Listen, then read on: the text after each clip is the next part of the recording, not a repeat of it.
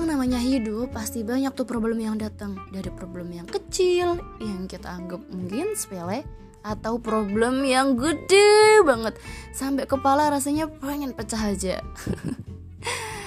nah karena itu banyak orang yang melakukan apa ya kayak self healing, self reward, pergi ke pantai lah, dengerin musik lah, atau dengerin podcast mungkin.